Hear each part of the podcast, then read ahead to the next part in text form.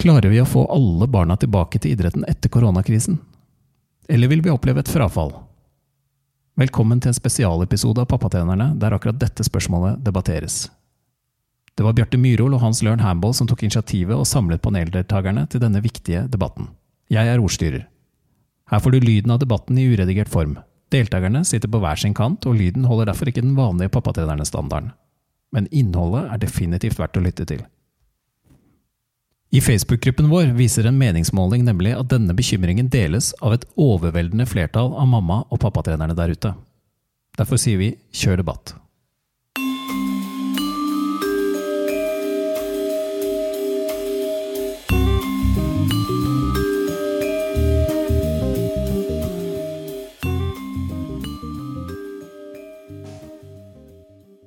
Velkommen til det som må være den aller første nettpaneldebatten om barneidrett i Norge.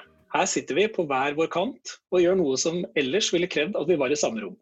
De fleste av oss opplever nok nå at det er mye vi faktisk kan gjøre, selv om vi ikke kan samles. Men det finnes også deler av livet som absolutt krever sosial nærhet, som ikke kan flyttes til hjemmesfæren.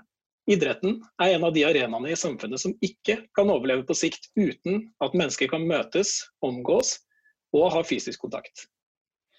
Mange av oss som er engasjert i idretten, lurer på når vi er tilbake til en normal hverdag.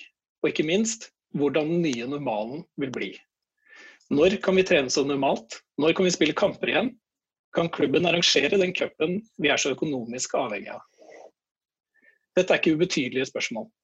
97% av norske barn er innom barneidretten i en eller annen form. Det er nesten hvert eneste barn. Hver av disse barna har med seg mer eller mindre engasjerte mammaer, pappaer onkler og lillesøstre. Idretten er en uhyre viktig arena for fysisk aktivitet i en tid der barn og ungdom er stadig mer stillesittende. Og kanskje det aller viktigste, for mange barn og unge er idretten deres viktigste sosiale arena. Så når vi snakker om at korona fører til at idretten kan miste barn og unge, er ikke dette uviktig oppi alt annet som er kritisk akkurat nå. Men er dette en reell bekymring? Hvem er det vi risikerer å miste, og hva kan vi gjøre for å unngå frafall? Dette er noen av spørsmålene vi skal debattere i dag. Vi har et bredt og godt panel som tar denne debatten. Vi har initiativtaker Bjarte Myrhol, kaptein for håndballgutta og kanskje den topputøveren i Norge som er mest synlig engasjert i barneidrett. Vi har Abid Raja, kultur- og likestillingsminister. Hedvig Montgomery, psykolog og podkaster. Birgit Skarstein, paralympisk idrettsutøver. Vi har Christian Berge med oss, som er sjefen for det norske herrelandslaget i håndball. Og så har vi Øystein Pettersen, olympisk mester i langrenn. Før vi setter i gang debatten, en liten dagsfersk meningsmåling fra Facebook-gruppen Mamma- og pappatrenerne med 3000 medlemmer. Vi spurte rett og slett om du er bekymret for at korona fører til frafall i din klubb eller ditt lag. Et overveldende flertall av de som har svart, om lag 80% er bekymret for koronafrafall i sin klubb. Så bekymringen der ute er reell. Eh, jeg begynner med deg, Hedvig Montgomery, som psykolog. Nå er det en spesiell tilværelse, for å si det mildt, under eh, korona. Eh, fra ditt faglige ståsted, hvordan responderer barn på et liv som nå i veldig stor grad er begrenset til hjemmet? Til dette er det egentlig to svar. Eh, og Det ene det er at barn er utrolig tilpasningsdyktige. De hadde ikke blitt voksne hvis de ikke var så gode på å tilpasse seg det som var de rammene de levde under. Men så skal vi se på én ting til, og det er at barn er laget for å være i bevegelse, i kontakt, i vekst, i utvikling. Og de har forskjellige faser de går igjennom opp gjennom eh, disse 20 årene en barndom tar, som ikke kan tas igjen. Altså de trenger det her og nå. Og der ser vi at mange barn Vi får jo se hvor lenge det varer, men eh, sånn som det er nå, så ser vi at barn ikke får påfyll nok til å utnytte sitt potensial, til å, å, bevege seg nok, lære seg nok, øve seg nok, få nok av det der ansikt til ansikt og det som gjør at, at de trives og vokser. Så kortversjonen er mye fint i det å være med, med foreldrene sine, særlig for de mindre barna. Men jo eldre barna blir, jo mer krevende er denne situasjonen. Og jeg vil nok si at tenåringene er dem som hjemmetilværelsen med mamma og pappa passer absolutt dårligst for. Finnes det noen, noen grense her for hvor dette virkelig begynner å bli kritisk? Altså Hvor lenge kan vi egentlig leve på den måten som vi lever nå? Jeg tror at uh, vi har nå en gang relativt uh, kloke folk som både følger utviklingen, følger smittesituasjonen og som tar beslutninger. Vi må jo tilpasse det at vi sannsynligvis har en situasjon som gjør at vi over lang tid må leve på en mer forsiktig måte. Og da må vi også finne løsninger som gjør at vi kan leve mer og mer på en måte som, som er fullverdig. Sånn som det er akkurat nå, er det ikke lenger vi kan holde på. Vi skal snakke om idrett i dag. Hvilken rolle tenker du at eh, idrett spiller for, eh, for barna? For barna så er det å bruke Altså finne glede i kroppen sin, finne eh, glede i bevegelsene sine og, og fikle, leke, hoppe, strekke seg, er helt avgjørende. Eh, så, så, det er liksom ikke noe spørsmål, det er ikke så tilfeldig at så mange deltar i det. Det er nødvendig. Eh, og så kan du i tillegg si at det er en arena hvor barn treffer både andre barn som de føler seg mer like enn kanskje de de tilfeldigvis er i klasse med, og også treffer andre voksne som ser dem, som smiler til dem, som liker dem. Så hva barneidretten betyr for barn og unge i Norge, det kan nesten ikke overvurderes. Det er superviktig. Hvis du sammenligner skole og barneidrett og ser på liksom viktigheten, vil du være enig med meg i at barneidretten er blitt viktigere som arena sammenlignet med skolen? Eh, jeg må bare si at jeg tror altså Skole er jo viktig, fordi skole er skole. Det er ikke noe å holde på å diskutere, nesten.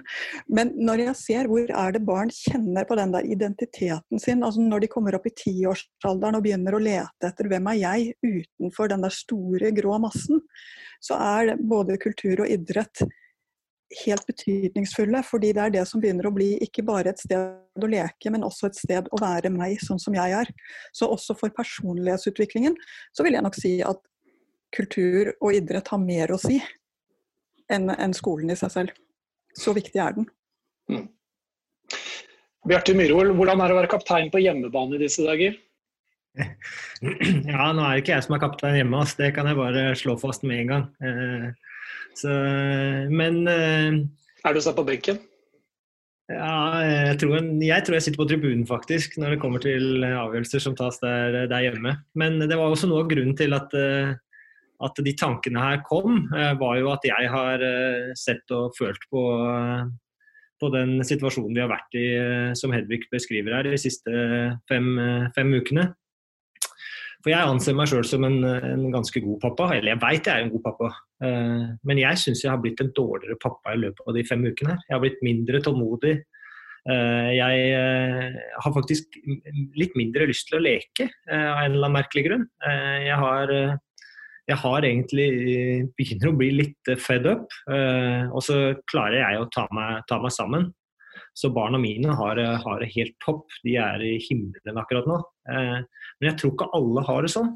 Eh, jeg tror faktisk det er ganske mange barn som, eh, som har det litt vanskelig der ute akkurat nå. Og, og, det, og det, er kanskje de, de, jeg tenker mest på når jeg innkalte dette, denne debatten. Mm. Og litt konkret, Hva er bekymringen din når vi snakker om barneidretten, vi snakker om frafall eh, og, og potensialet for at noen av de som, som, drev med organisert idrett før denne pausen, ikke vil eh, komme tilbake? Det er mange bekymringer. Eh, og, og jeg tror det er reelle bekymringer òg. Det er alle de som var litt umotiverte, som hadde mista motivasjonen litt, eller som falt litt bakpå før dette skjedde Eh, de er jeg skeptisk på om vi får, får tilbake. Eh, og så skjer det en eh, Jeg opplever at barn At det går litt sånn i, i faser. Du kan godt arrestere meg nå, Hedvig, hvis du er uenig, men når de er interessert for noe, så bare suger de til seg alt av, av informasjon og ønsker å bedrive det døgnet rundt. Og hvis du treffer barna i en periode hvor de faktisk ikke er så interessert i den perioden her, så faller de nok ganske langt bak de andre barna som, som, ønsker, å, eh, som ønsker å utvikle seg. Og da blir gapet mellom de, eh, de stort. Eh, og så er det en ting til òg, og det er at det er ikke bare barna som blir ramma. Det er jo foreldre som har mista jobb. Og noen av disse foreldrene er jo trenere. Og jeg tenker og tror at det er ikke det å være eh, håndball eller fotball eller skitrener som står øverst på, på prioriteringslista hvis man, har, eh, hvis man har veldig mange andre vansker rundt omkring i livet. Vi har Abid Raja med oss. Du ble utnevnt til kultur- og likestillingsminister 24.1. I denne sammenhengen deltar du som idrettsminister, også vår øverste ansvarlig for, eh, for idretten i, i Norge. Økonomi kommer jo til å være en del av problemstillingen her. Vi skal komme litt tilbake til det og krisepakker i idretten. Men du ser jo denne problemstillingen nå med frafall både som vår øverste politiske leder for idretten, men også som en pappa og en del av et nabolag der mange barn er aktive i idretten. Hva tenker du om faren for at vi får et økt frafall nå som en konsekvens av en eh, ufrivillig pause fra idretten?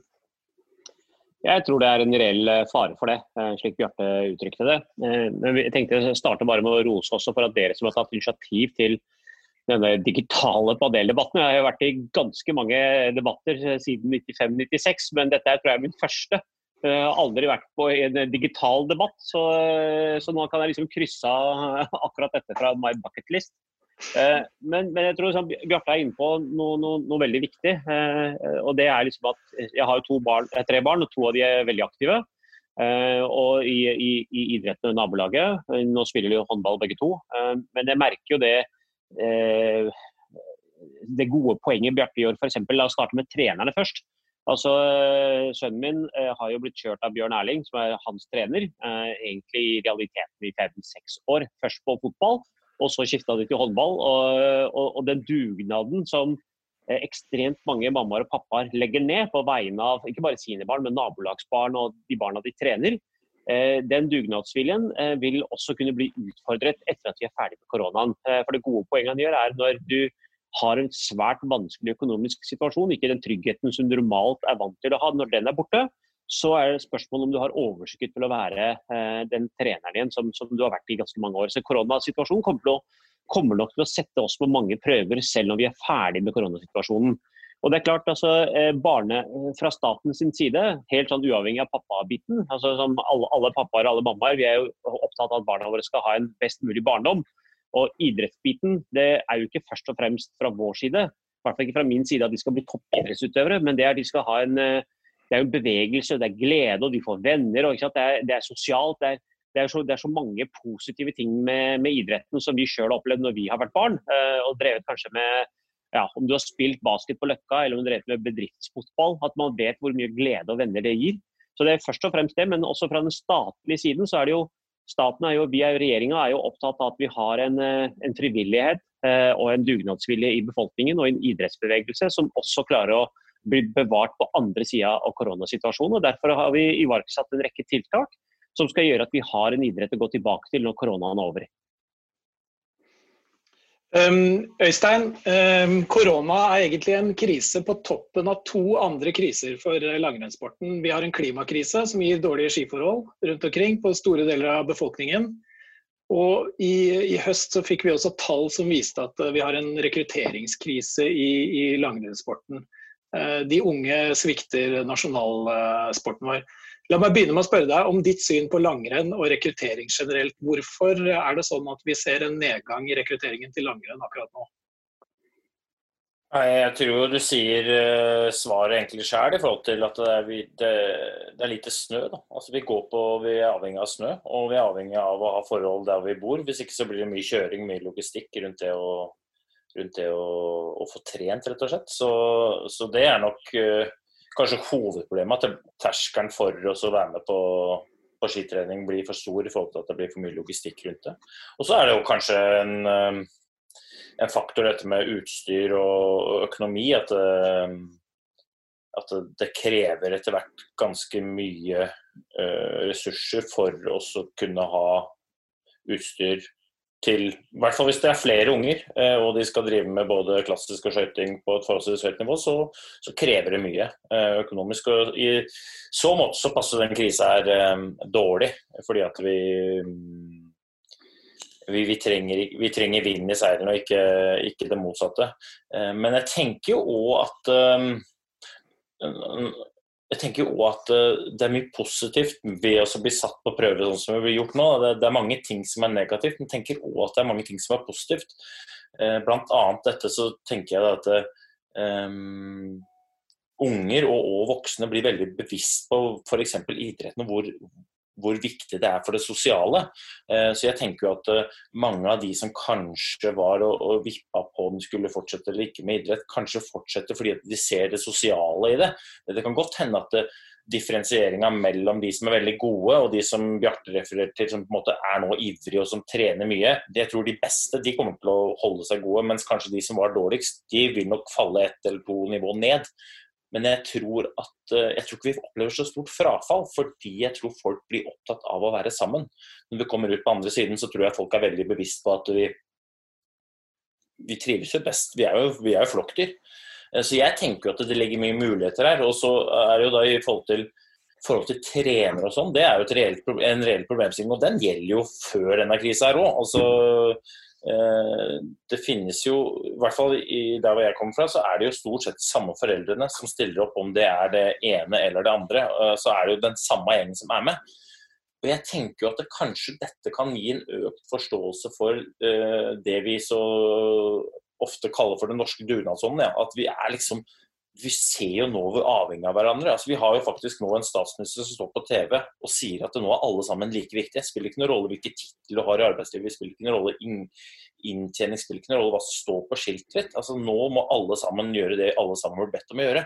At vi blir forståelsen av at vi er uh, avhengig av hverandre, kan øke. Da. Og jeg håper jo at kanskje det kan bidra til at vi får flere folk inn på trener- og på assistentsida i, i barne- og breddeidretten, sånn at vi kan Kanskje hvis folk da har mindre tid, kanskje vi kan fordele oppgavene mer og, og, og sørge for at det tilbudet er der. For alle er jo enige om at det tilbudet det kommer vi til å savne hvis ikke det er der.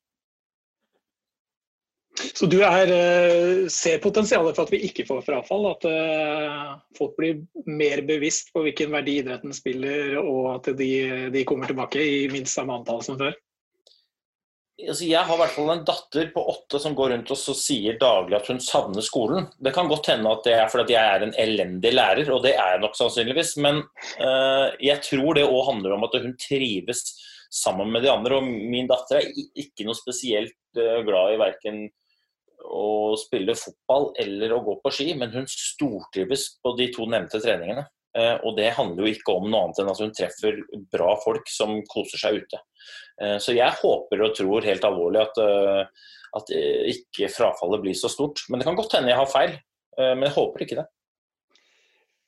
Birgit Skarstein, du har hatt noen timer nå til å tenke på denne problemstillingen. Hvordan går det med trening forresten? Får du holdt deg aktiv? Ja, det går veldig greit. Vi har jo måttet tilpasse en del. da. Og, altså, jeg driver med roing, og vi hadde jo fire uker der vi ikke kunne gå på vannet i båt. Og da, to av de i karantene. Og da måtte vi jo være ganske kreative. Men uh, vi er på vei tilbake igjen. Trener fremdeles en del alternativt, men uh, nå har vi jo plutselig et år ekstra til OL. Så uh, vi har jo god tid på oss. Hvordan føltes den beskjeden? Det var veldig rart. Var, vi, vi, var jo veldig i en boble allerede. Vi var jo i full oppkjøring. Og det, det er jo ganske intenst å ligge i sånn oppkjøring. Så det, det var jo et lite vakuum, jeg skal heller innrømme det. Og prøve å liksom Og egentlig bare gå inn i kalenderen liksom, og slette OL, slette Paralympics, opprette nytt om et år. Og så prøve å ta et skritt tilbake. Sånn som egentlig veldig mange unge også måtte ha gjort nå. da, eh, Og ikke stresse med å få gjort noen bestemt type trening, men heller holde seg i aktivitet. Eh, ikke stresse med alle de tingene man ikke kan gjøre, så lenge det ikke er innenfor smittevernbestemmelsene, men heller se liksom hvilke muligheter har vi faktisk til å, å, holde på, hva kan vi gjøre nå. Og ikke minst liksom prøve å finne glede ved å trene alene. Da. Vi er jo et veldig sterkt lag som er vant til å trene tett og trene i team eh, og pushe hverandre. Så det å komme inn én og én med hver vår romaskin i hver vår leilighet i karantene, det er en ganske stor eh, kontrast. Det vil jeg jo egentlig anta at ganske mange andre barn og unge der ute også kjenner på, da, når du plutselig ikke kan leke eller trene sammen med de du vanligvis eh, trener og leker sammen med. Du mister det sosiale fellesskapet. Um, vi, prøvd, vi, har jo liksom holdt det ved like ved å ha hatt sånne FaceTime-samtaler. da, eh, Hatt gruppemøter. Eh, rett og slett stått opp av og til noen dager, tatt en kaffe liksom, før vi hadde dratt og trent på video. Bare for å opprettholde den der rutina. Men det er jo en helt annen hverdag. Det er det jo. Dere som er toppidrettsutøvere eh, kjenner jo til disse periodene der man er avskåret fra å drive med idretten sin, enten man eh, ikke er blitt tatt ut på et lag eller man er eh, skadet og er i en gjenoppbyggingsfase. Altså, hva er det vi kan lære av dere som vi kan ta med oss nå i forhold til foreldretrenerrollen ut mot barn, når vi skal få dem tilbake og motivere dem til å, til å starte opp igjen? Jeg tror det er veldig viktig å legge lista lavt. Ikke ikke gå inn og kreve masse. Eh, I hvert fall hvis vi skal ha med oss alle de som kanskje ikke er så motivert, som vi snakka om nå. Eh, det, er, det, kan være litt sånn tøft å begynne på igjen etter å ha vært lenge borte. Eh, man kan miste litt sånn ballfølelse. Vi mister litt følelse med vannet. Det trenger litt tid til å egentlig liksom finne tilbake igjen til den følelsen av idretten vi holder på med. Eh, og så kan det jo være litt forskjellig hvilken motivasjon man har. Så jeg tenker det er lurt at man legger lista såpass lavt at eh, så mange som mulig kan føle mestring og glede da, med å komme tilbake igjen. Og oppleve at det er et pluss, noen ting du har lyst til å fortsette å holde på med. Så man ikke slutter, i hvert fall fordi at man føler at man ikke får det til, eller ikke har motivasjonen. Eh, og lage sosiale fellesskap rundt det. Være inkluderende. Eh, inviterende. Eh, bygge nettopp det miljøet som jo er trivelig å være en del av. Birgit, du er I tillegg til å være topputøver, så er du også eh, engasjert i debatten rundt idretten som samfunnsarena. Hvilken rolle idretten spiller. Du har vært aktiv for å fremme de mange sider av, av idrettens liksom, ansvar og, og muligheter i, i samfunnet, bl.a. når vi snakker om inkludering. Eh, er det viktigere for oss nå å ha fokus på inkludering eh, og det å åpne opp og, ha fellesskapstankegangen eh, langt framme i forhold til idretten?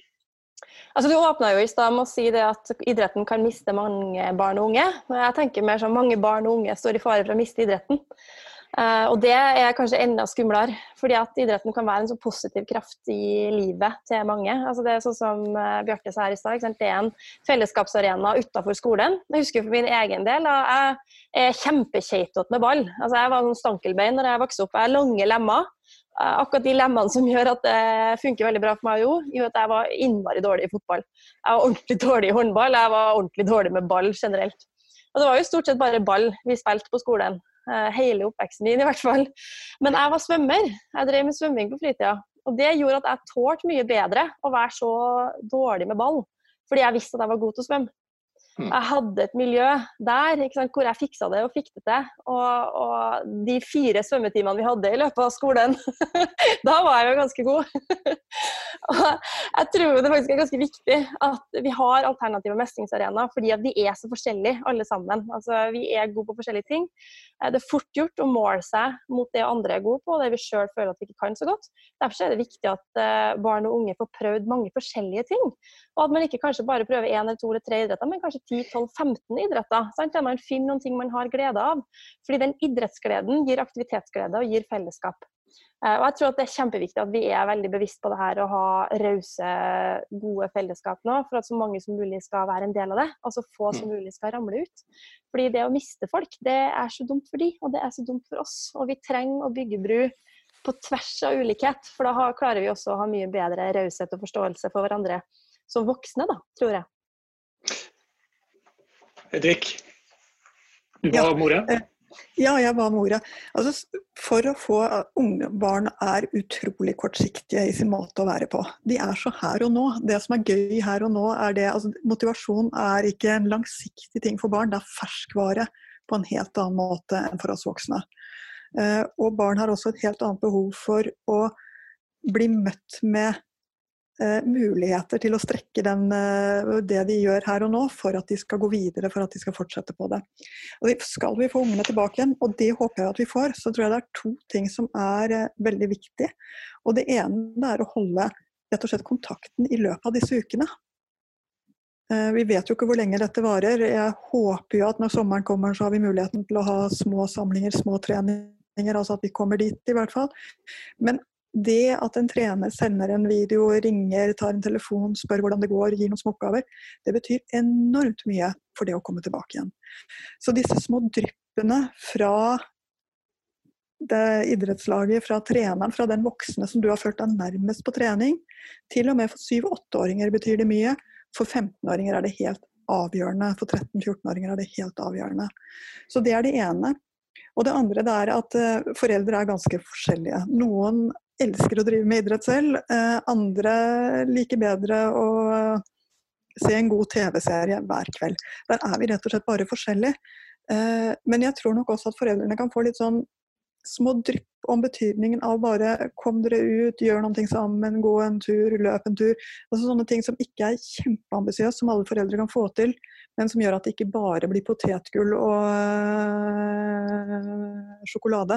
Fordi vi risikerer alle sammen og komme ut av disse ukene her som ganske mye tjukkere utgaver av oss selv.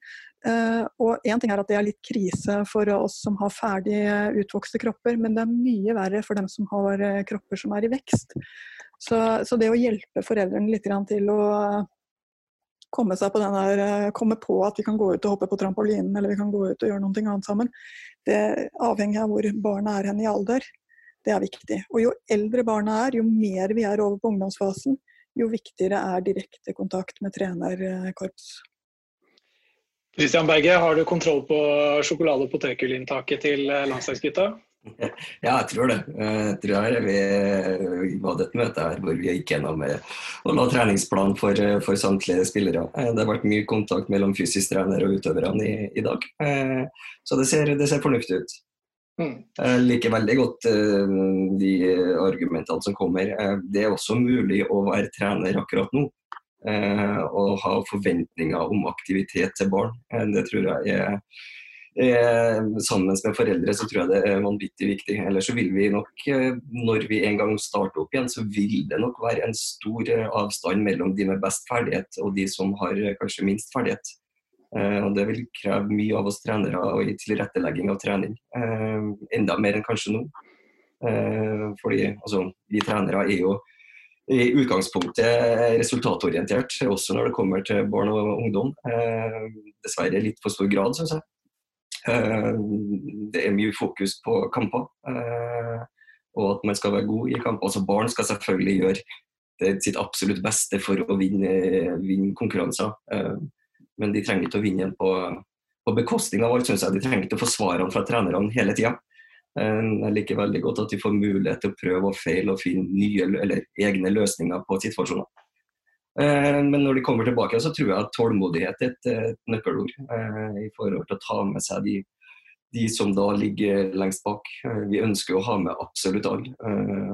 Og jeg tror differensiering på trening og ikke på kamp tror jeg vil være viktig, sånn at de føler at de har en rolle også i, i laget, de som er, er lengst bak. Mm. Abid Raja, du ba om ordet. Ja, altså jeg følte meg egentlig litt truffet av det, egentlig det Hedvig sa. For jeg følte meg plutselig som han potetgullpappa. og så sa hun etter at, at vi voksne vi er sånn ferdig eh, vokst, men eh, jeg tror ikke det gjelder i bredden og i sånn omkretsen og sånn. Så jeg tror det er en del voksne som også kommer til å merke på andre siden av koronaen at eh, det at det treningssenteret stengte, som vi har vært gode og vant til å bruke, så har det vært Det er ikke like lett å gå på ja, det er ikke like lett å gå på ut for å trene. Men, men, jeg tenkte også å si for, for, for nå er det Enkelte treninger er jo nå faktisk i, i gang. F.eks. Hun ene som er 14 år, datteren min, der har jo de satt i gang litt sånn utetrening. Hun spiller håndball, så de får ikke lov til å, ikke lov til å drive med håndball.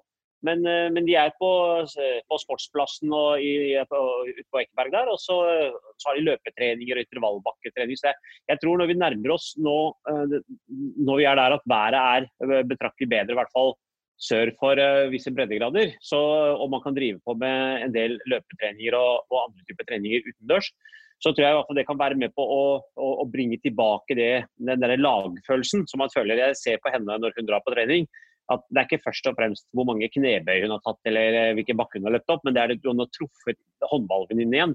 Og jeg, jeg, eh, selv om jeg, jeg er også bekymra, som, eh, som, det Bjarte var inne på, særlig på trenersiden og på voksnesiden. Og selvfølgelig, vi, forstår jo dette med at når, når, barn, når foreldre får dårlig økonomi, så, så, må jo de på et eller annet tidspunkt begynne å prioritere. Og hvis de har så dårlig økonomi, så, så det, kan det hende at det er den kontingenten som på en måte havner bakerst.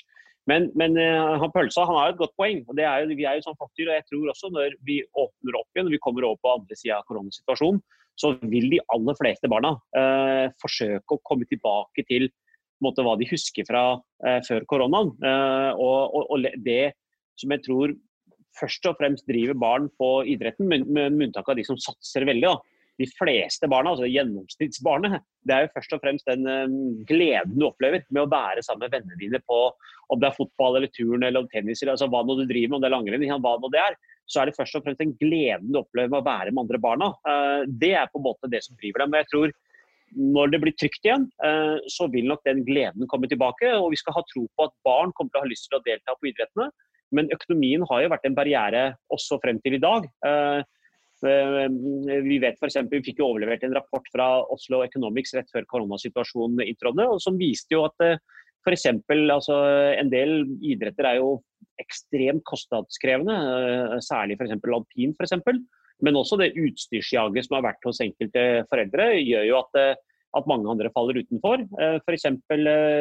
det å dra på en eh, treningsleir til Spania for eksempel, er jo mye mer krevende økonomisk enn f.eks. å bare dra til nabokommunen, da, til Skien eller til Drammen eller, eller altså til, til, rett og slett til nabokommunen. er jo litt lavere økonomisk Eh, terskel for å være med på. Så jeg tror nok eh, man har drevet kostnadene litt oppover også. Hvis man er bevisst over det, så vil jo enda flere delta. Men målet for oss i regjeringa er jo at absolutt alle barn som har lyst til å delta på, i idrettsaktiviteter, de skal ha muligheten til å gjøre det. og Økonomi skal ikke være en barriere. og Sånn sett så er dette initiativet veldig bra. og Hvis det kommer flere slike initiativ, og vi får også private givere og hver mann som kan være med på å, spleise på noen ordninger, så er jeg sikker på at vi kommer til å treffe de sårbare, sårbare barna. Eh, både fra den politikken vi i regjeringa lager, men også ved at sivilsamfunnet og idrettssamfunnet som dere stiller opp. Vi skal komme litt tilbake til økonomi som en uh, barriere her, men jeg vil ikke slippe helt tak i det Christian Berge uh, snakker om her. Som, som håndballtrener selv på et litt annet nivå, så så kjenner jeg jo dette som en idrett hvor vi begynner veldig tidlig å telle mål. Vi begynner veldig tidlig med tabeller. Du har jo vært kritisk til hvor, hvor tidlig dette alvoret kommer, og hvordan det preger, preger idretten fra, fra, ganske tidlig alder. Og det, det leder meg til et, et, spørsmål som jeg mener er litt kritisk. Kan det være at en pause som det vi nå har, eh, rett og slett viser en del ungdommer i hvert fall, at de syns det er ganske deilig å slippe det presset? Ja, det kan det være, tenker jeg. Jeg har vært rundt med det 05-laget til Elverum i en del turneringer. og ehm, det, er, det, gjøres på mange ulike måter. Ehm, det er barn som blir satt igjen hjemme fra store turneringer. Det er jo nesten som å be folk om å slutte å spille håndball, tenker jeg. De får ikke lov til å være med på årets høydepunkt. Jeg mener alle skal med, uavhengig ferdighet.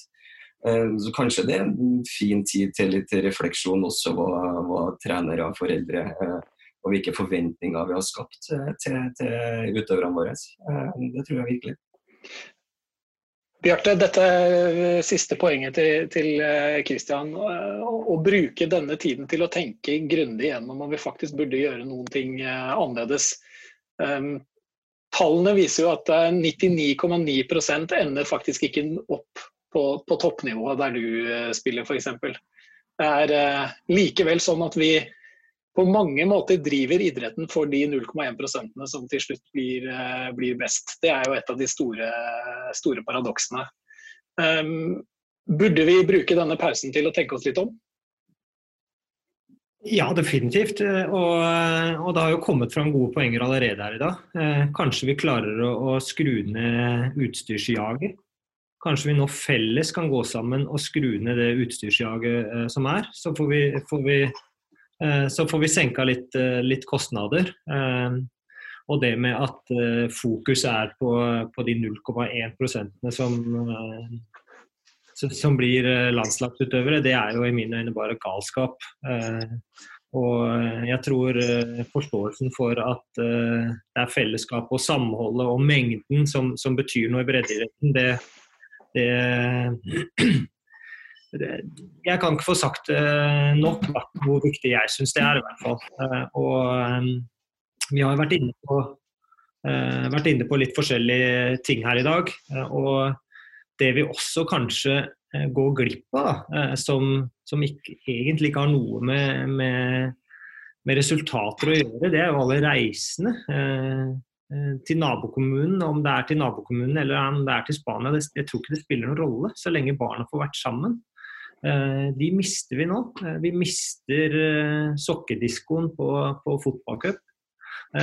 Vi mister vi mister altså alt av, av fellesskap. Og, og, det har ingenting med resultater å gjøre, det. det er jo, eh, de barna jeg trener, de er jo med for å, for å få lov til å forelske seg i gutten på, på, på nabobanen. Eh, de bryr seg egentlig ikke så mye om, om, om åssen det går. Så er det selvsagt viktig å, å differensiere litt, eh, som, som Christian sier, men gjør det noe på de riktige tinga. Eh, du klarer fint eh, hvis du har litt fingerspitzgefühl, eh, så klarer du faktisk fint å differensiere de beste, sånn at de også føler seg sett. Og så, og så skaper du et fellesskap med, med resten. Det, det, er ingen umulighet. Apropos fingerspitz, så så jeg Øystein hadde en finger i været her. Jeg hadde bare et innspill i forhold til dette med på en måte, suksess eller lykkes, eller om det er i idretten eller om det er i livet generelt. Men jeg tenker at det, det der utstyrshysteri og det jaget etter resultater og sånn, det er egentlig gjort på feil premiss. I hvert fall føler jeg det selv. Og det kan godt hende at jeg har et helt annet syn på det, i og med at jeg aldri har vært verdens beste og kommer aldri til å bli det heller. Men jeg føler at det å lykkes handler ikke om å vinne og den der medaljen eller å vinne det rennet eller den kampen. Altså, det å lykkes det handler jo mer om å trives der hvor du er, sammen med de folka som du reiser rundt med, eller om du bare ikke reiser i det hele tatt. Men det, altså, det å ha suksess, det er jo å gå rundt og trives med den gjengen som du omgås hver eneste dag. Det handler ikke om om du har en medalje i skapet eller ikke. Altså, det har, jeg kjenner mange som er sinnssykt gode og har masse medaljer, men som ikke nødvendigvis går rundt og føler at de lykkes innmari bra. Og så er det mange som jeg kjenner som aldri har vært i nærheten av å ha medalje, som går rundt og stråler. Så den der utstyrs jag og det, det, er egentlig litt på feil premiss, føler jeg. Det er, liksom, det er jakt etter noe som ikke teller, og så kunne man kanskje i den jakten så glemmer man kanskje det som skal til for å skape vinnere, da. Og det er jo trivsel. Det er jo å skape det gode kameratskapet, det er jo det å skape det gode samholdet som vi alle har lyst til å være en del av. For det spiller jo ikke en filla rolle hvis du vinner medaljer hvis du reiser hjem og ingen som bryr seg. For, for meg og mange andre så er jo du en av de som har bidratt til et litt mer humørfylt bilde av det å være toppidrettsutøver. Um, føler du når du ser at, uh, at pappaene møter opp før langrennsrennet og smører ski med gassmasker inne i sånne telt, føler du at leken er i ferd med å, forsvinne litt ut av idretten, og at akkurat det du snakker om nå med gleden og trivselen uh, kommer litt i andre, tredje, fjerde rekke? Ja, altså, øh, For å ta det første først, så håper jeg at flere fedre begynner å dra på seg gassmasker. For det er jo beviselig ikke bra. Jeg skulle selv ønske at fattern hadde fått seg en gassmaske når vi sto nede i blokka i Brobekkveien i Groruddalen og smurte ski. Så hadde han ikke hatt de helseplagene han har nå. Men øh, det du spør om, er om jeg føler at det er for mye alvor. Jeg sier at øh, jeg har til gode å se noen skirenn hvor, hvor det er for mange med lave skuldre. Altså Det er mye høye skuldre, det er mye spisse albuer, det er for mye alvor. Og Du blir jo ikke noe dårligere eller mindre seriøs av å ha det gøy, av å være litt nysgjerrig, av å være litt leken. Sånn, ofte så tror jeg at jeg og kanskje et par andre kollegaer av meg ble sett på som litt useriøse bare for å være blide. Men altså, klart at det å løpe fem timer i myra, det er jo dritkjedelig i utgangspunktet. Så da tenker jeg at da er det bedre å gjøre det blid enn å gjøre det liksom sur. Og jeg har vært så heldig å være i og rundt miljøet hvor folk stort sett har vært bevisst at uh, her, må vi, her, må vi, se på det som er positivt når vi gjennomfører uh, uh, ting som kanskje er kjedelig. Men jeg tror jo at hvis det blir for mye alvor og for mye jag på disse resultatene, og, og, og kall det press, kall det hva så mister du den gleden. Altså, det, er ikke, det, er ikke, noe gøy å gå rundt og føle at du, du må prestere, for det er ingen som må prestere. Alle må bare være seg sjæl, og du er mer enn god nok. Og, altså, jeg kjenner mange rasshøl som hopper veldig høyt. Altså Enkelt og greit. Altså, så kjenner jeg mange som er kjempeålreite mennesker som ikke engang orker å gå opp ei trapp. Så Det handler ikke om altså Hvor fort du løper i skauen i tights, det spiller ikke noen rolle. Det handler om hvem du er. da, og jeg tenker at eh, Folk kan slappe av. Du er mer enn bra nok. og så Løp gjerne fort eller sakte i skauen i tights, men det er ikke det jeg dømmer deg for. altså. Hedvig Montgomery, du skrev et Ja. innlegg i, i på, Ja, unnskyld. du, skal, du skal jo gi ordet til Hedvig nå, men, eh, men kanskje Hedvig kan tilby han der eh, pølsa der en time? For at eh, altså, når, når han har det gøy fem timer i myra på løp, altså at åpenbart så trenger han en time hos psykologen. Jeg må bare få svare. Nei, det, ja, det som er da, at jeg har kjent selv på effekten av å treffe folk som er blide i en situasjon hvor du hater sjøl. Det er bare sånn, Du bare hater livet på maks, og så treffer du en blid fyr. Spør Erik Follestad. Jeg gikk gjennom hele Norge på det samme programmet som du har vært med på, Abid. Og hver gang jeg traff Erik, så så jeg han hata, og da blei jeg ekstra blid. Og han ble ekstra ned. Så liksom mm. Du har gjort dette til en konkurransefordel, du, Øystein. Det er jeg helt sikker på. Eh, Hedvig, du skrev et innlegg i VG for et par år siden eh, hvor det står Vi vet én ting med sikkerhet. Barn vil lære. De vil utvikle seg og strekke seg, men frykt hemmer all læring. Eh, Skaper voksnes alvor frykt hos barna? Altså jeg pleier å si dette til de som er så heldige at de har et barn som driver med noe. Og om det er at de spiller fiolin eller om det er at de spiller ishockey, spiller faktisk ingen rolle. Men som forelder har du én jobb, og det er å ikke ligge for langt foran. Det er ikke du som skal gjøre dette her, så er det du som er mer begeistret enn barnet, så kommer barnet til å miste begeistringen. Jeg lover så fort de kommer opp i tenårene. Så ligger du foran, og det er ditt prosjekt, så er du ikke til hjelp for barnet. Og på samme måte, Hvis du ligger for langt bak, hvis du ikke bryr deg med det barnet holder på med, hvis du ikke ser at skøytene har blitt for små eller at den hadde trengt et bedre instrument, eller hva det nå kan være for noe, så hjelper du ikke barnet til å bli seg på sitt beste. Så foreldres oppgave og treneres oppgave er faktisk å ligge på passe nivå for hvert av de barna de har. Eh, Du skal støtte barnet på, liksom på det vinduet som han eller hun har. Eh, og det vi ser når det blir for mye alvor, det vi ser når det er foreldrene som, som lager den der 'Å, gikk det ikke bedre? Fikk du det ikke til? Du kunne jo ha tatt det litt mer'. Altså, det, jeg hører det jo selv, jeg hadde jo ikke fått lyst til å gå en meter etter å ha blitt møtt på den måten av noen som jeg liker og har respekt for. Så jeg tror mye av det frafallet vi har i 13-14-årsalderen, har vi faktisk oss voksne å takke for. Fordi vi ikke klarer å skjønne at det er barnas aktivitet, og vi skal møte dem i deres vindu. Der hvor de ligger. Vi skal ikke ligge bak sånn at vi trekker dem nedover, og vi skal ikke ligge så langt foran at vi løper fra dem. Vi skal være der og støtte dem i det der vinduet. Det er det gjelder foreldre, det gjelder trenere, det gjelder lærere. Det, det gjelder hele veien. At får vi til det, så får vi barna med oss hele veien. Da får vi gleden med oss hele veien. Tittelen på kronikken din var 'Når barn sliter på skolen, er det barna eller skolen det er noe galt med?' spørsmålstegn. Hvis vi bytter ut skole med idrett, og når vi snakker om det alvoret som du refererer til der, og, og at det frafallet kan kobles direkte opp mot det alvoret, eh, hva tenker du er svaret? Er det barna eller er det idretten det er noe feil med? Ja, du er like retorisk i ditt spørsmål som det jeg var i mitt. Eh, altså Poenget er bare at barn er bare seg selv. Eh, og vi er ansvarlig for det miljøet vi lager for dem og med dem. Og Hvis vi ikke lager et miljø hvor det er godt å være barn, og mulig for barn å strekke seg, og mulig for barn å finne trygghet, så får vi demotiverte, daffe unger som, som ikke blir med videre. Så dette er, dette er, det er alvorlig. Nettopp fordi at den generasjonen foreldre vi har nå, voksne vi har nå, de har så mye mer ressurser enn før til å faktisk gå for mye all in. Det er jo ikke barna som har skapt utstyrspresset. Det er jo ikke de som har, eh, som har eh, bladd opp i butikken og trukket kortet. Det er det jo vi som har gjort. Så det er noen ting med vår foreldregenerasjon og vår voksengenerasjon som vi, som vi må se på, korona eller ikke korona.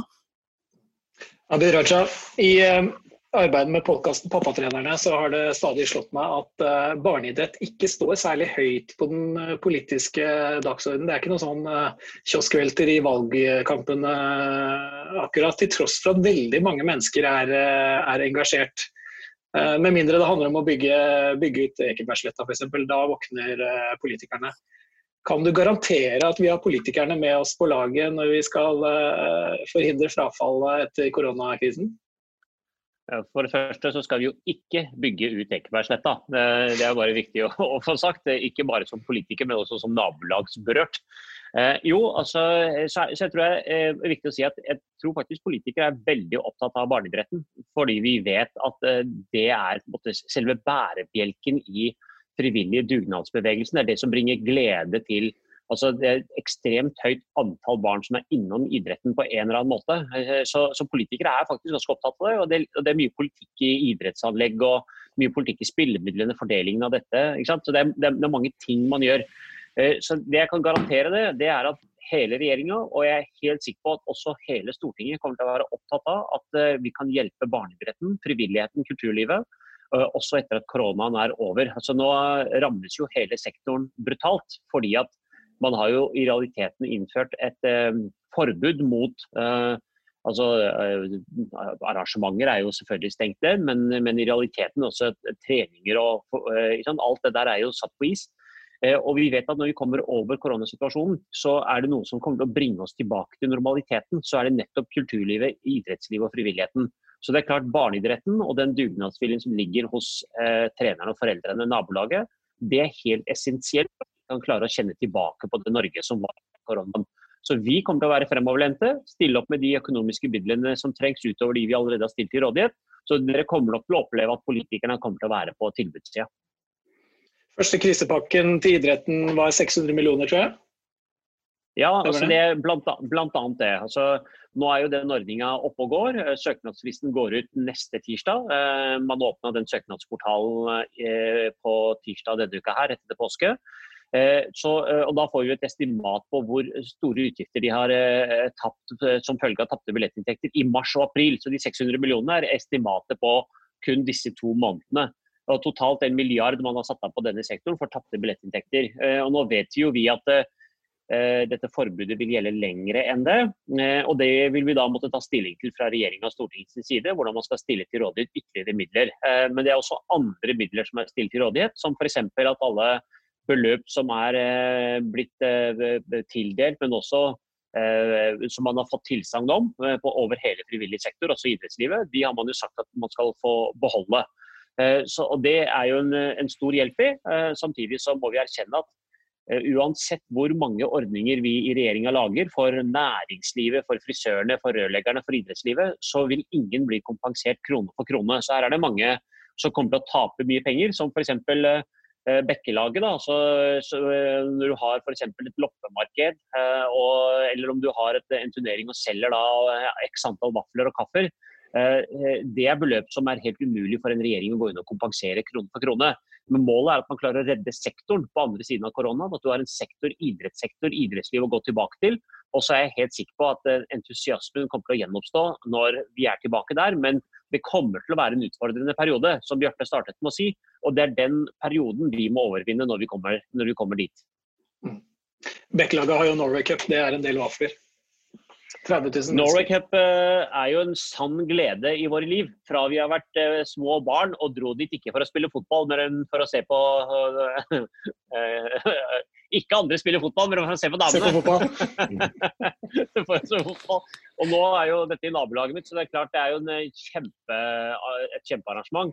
Men i og med, som Birgit var inne på tidligere, altså OL er jo avlyst. Og det var fordi liv og helse kommer først. Man kan ikke samle hele verden et sted med den smitterisikoen det innebærer. Og det samme vil jo gjelde for eh, Norway Cup. Norway Cup er et av de arrangementene som, eh, som er helt, eh, det er nærmest umulig å se for seg at den kan gå slik det normalt pleier å skje. Men vi håper jo vi kommer tilbake til det. og så håper jeg at Birgit skal ta sant, gull i Tokyo neste år. Og jeg håper jeg fremdeles er idrettsminister, og så skal jeg være på tribunen og heie sant, og se at det skjer. Tiden går fra oss eh, her med, med strålende engasjement. Jeg regner med at Bjarte er fornøyd, men han får ikke ordet til slutt. Det er det Hedvig Montgomery som får. Et siste tips til foreldre som ønsker å forberede seg på en normal tilværelse, og som ønsker å motivere barna til å gå tilbake i aktivitet? Oh, vet du hva? Det beste tipset er faktisk ikke tenk så langt frem. Gjør det ålreit å leve sammen her og nå. Og for å leve sammen her og nå, så trenger man både å bevege seg sammen, le sammen, tulle sammen, lære sammen.